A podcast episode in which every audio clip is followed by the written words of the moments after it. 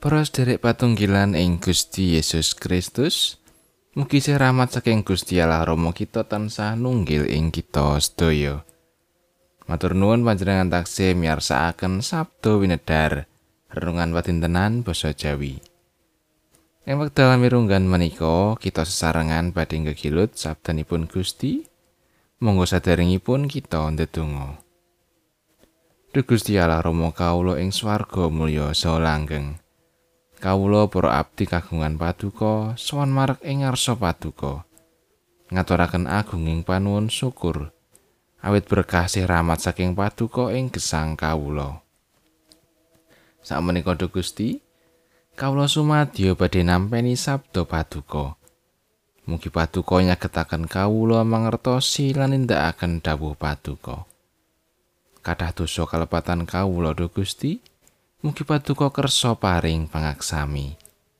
Matur nuwun Gusti. Wonten ing asmanipun Gusti Yesus Kristus kawula ndedonga lan saos syukur. Amin. Waosan kapendet saking kalih Samuel bab gangsal ayat setunggal ngantos dosa. Sake taler Israel kabeh banjur padha sowan marang ing ngarsane Sang Prabu Daud ing Hebron sarta munjuk. Kauningano kawula menika sami tunggil rah so tunggil daging kalian panjenengan dalem.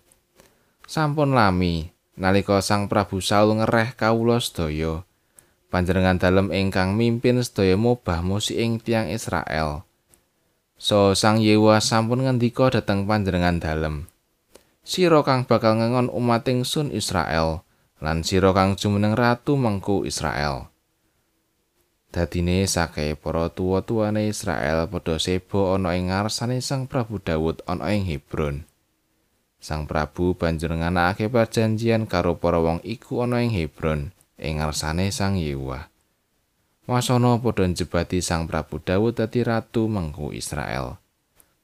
Sang Prabu Daud yuswane telung puluh taun nalika jumeneng ratu. Patang puluh taun lawase anggone ngasta pemerintahan.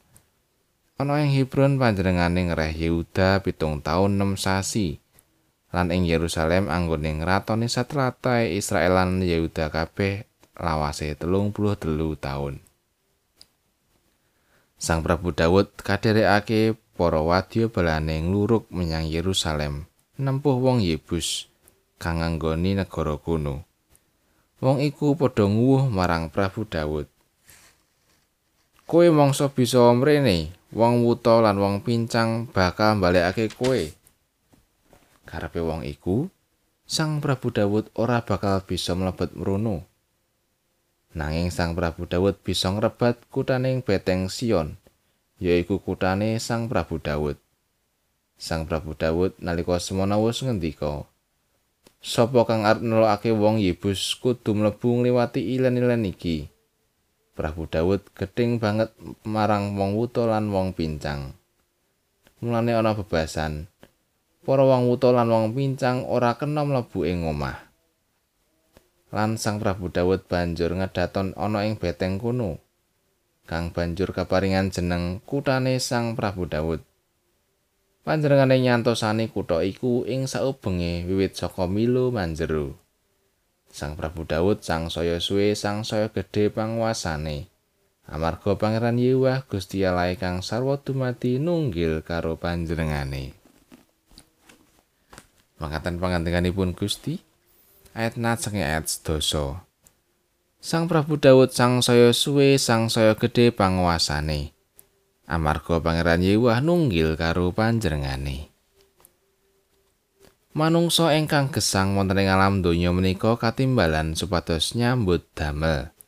Werni-werni penyambut damelipun wonten ingkang dados among tani, pegawe lan pedagang, menapa dene sami wirausaha. Kejawi menika ugi tinimbalan kangge nindakaken katresnan.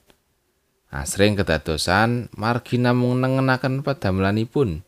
Manungsa kesupen dateng timbalan kangge nindakaken katresnan dumateng Gusti menapa dene datang sesaminipun. Kesupen anggenipun ngibadah kesupen anggenipun serawung lan ugi kesupen anggenipun andum berkah. Bejo menawi manungsa menika tasih emut dhateng pasrawungan lan tetunggilan kalian Gusti. Sang Prabu Daud anggenipun dados ratu ing Israel kados-kados sang saya dangu sang saya mindak kawicaksananipun lan dados pangarsa ingkang misuwur. Sang Prabu Daud menika tansah ngadepi mengsah-mengsahipun kanthi sembodo. Perlu dipun mangertosi bilih Sang Prabu Daud anggenipun dados ratu ingkang misuwur lan mindak kawibawanipun menika mboten awit saking daya kegiatanipun piyambak. Ananging awit Gusti Allah ingkang nuntun jangkepi kawicaksananipun. Nalika manungsa menika rumaos gesangipun mulya, awit usahanipun sang saya ngrembaka utawi jabatanipun sang saya mindak, lajeng rumaos bilih perkawis menika awit saking daya kegiatanipun piyambak. Kesupen dhateng pakaryanipun Gusti. Kesupen dhateng panuntunipun Gusti. Lumantar wawasan ing dinten menika kita dipun engetaken supados tansah eling. Tansah emut lan ngrumaosi bilih Gusti Allah ingkang dayani gesang kita. Daya kegiatan kita winates. Ananging berkah lan pangantinipun Gusti Allah menika tanpa winates.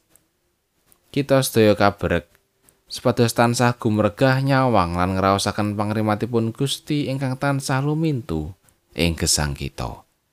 Amin.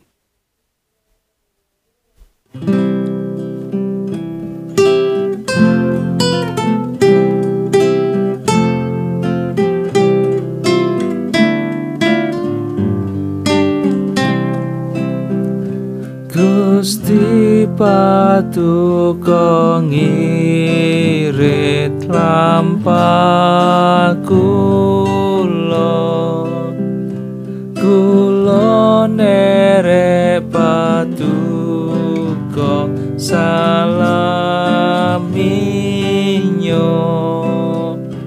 kawula tatan saged milih margi mugi sapuro kula Gusti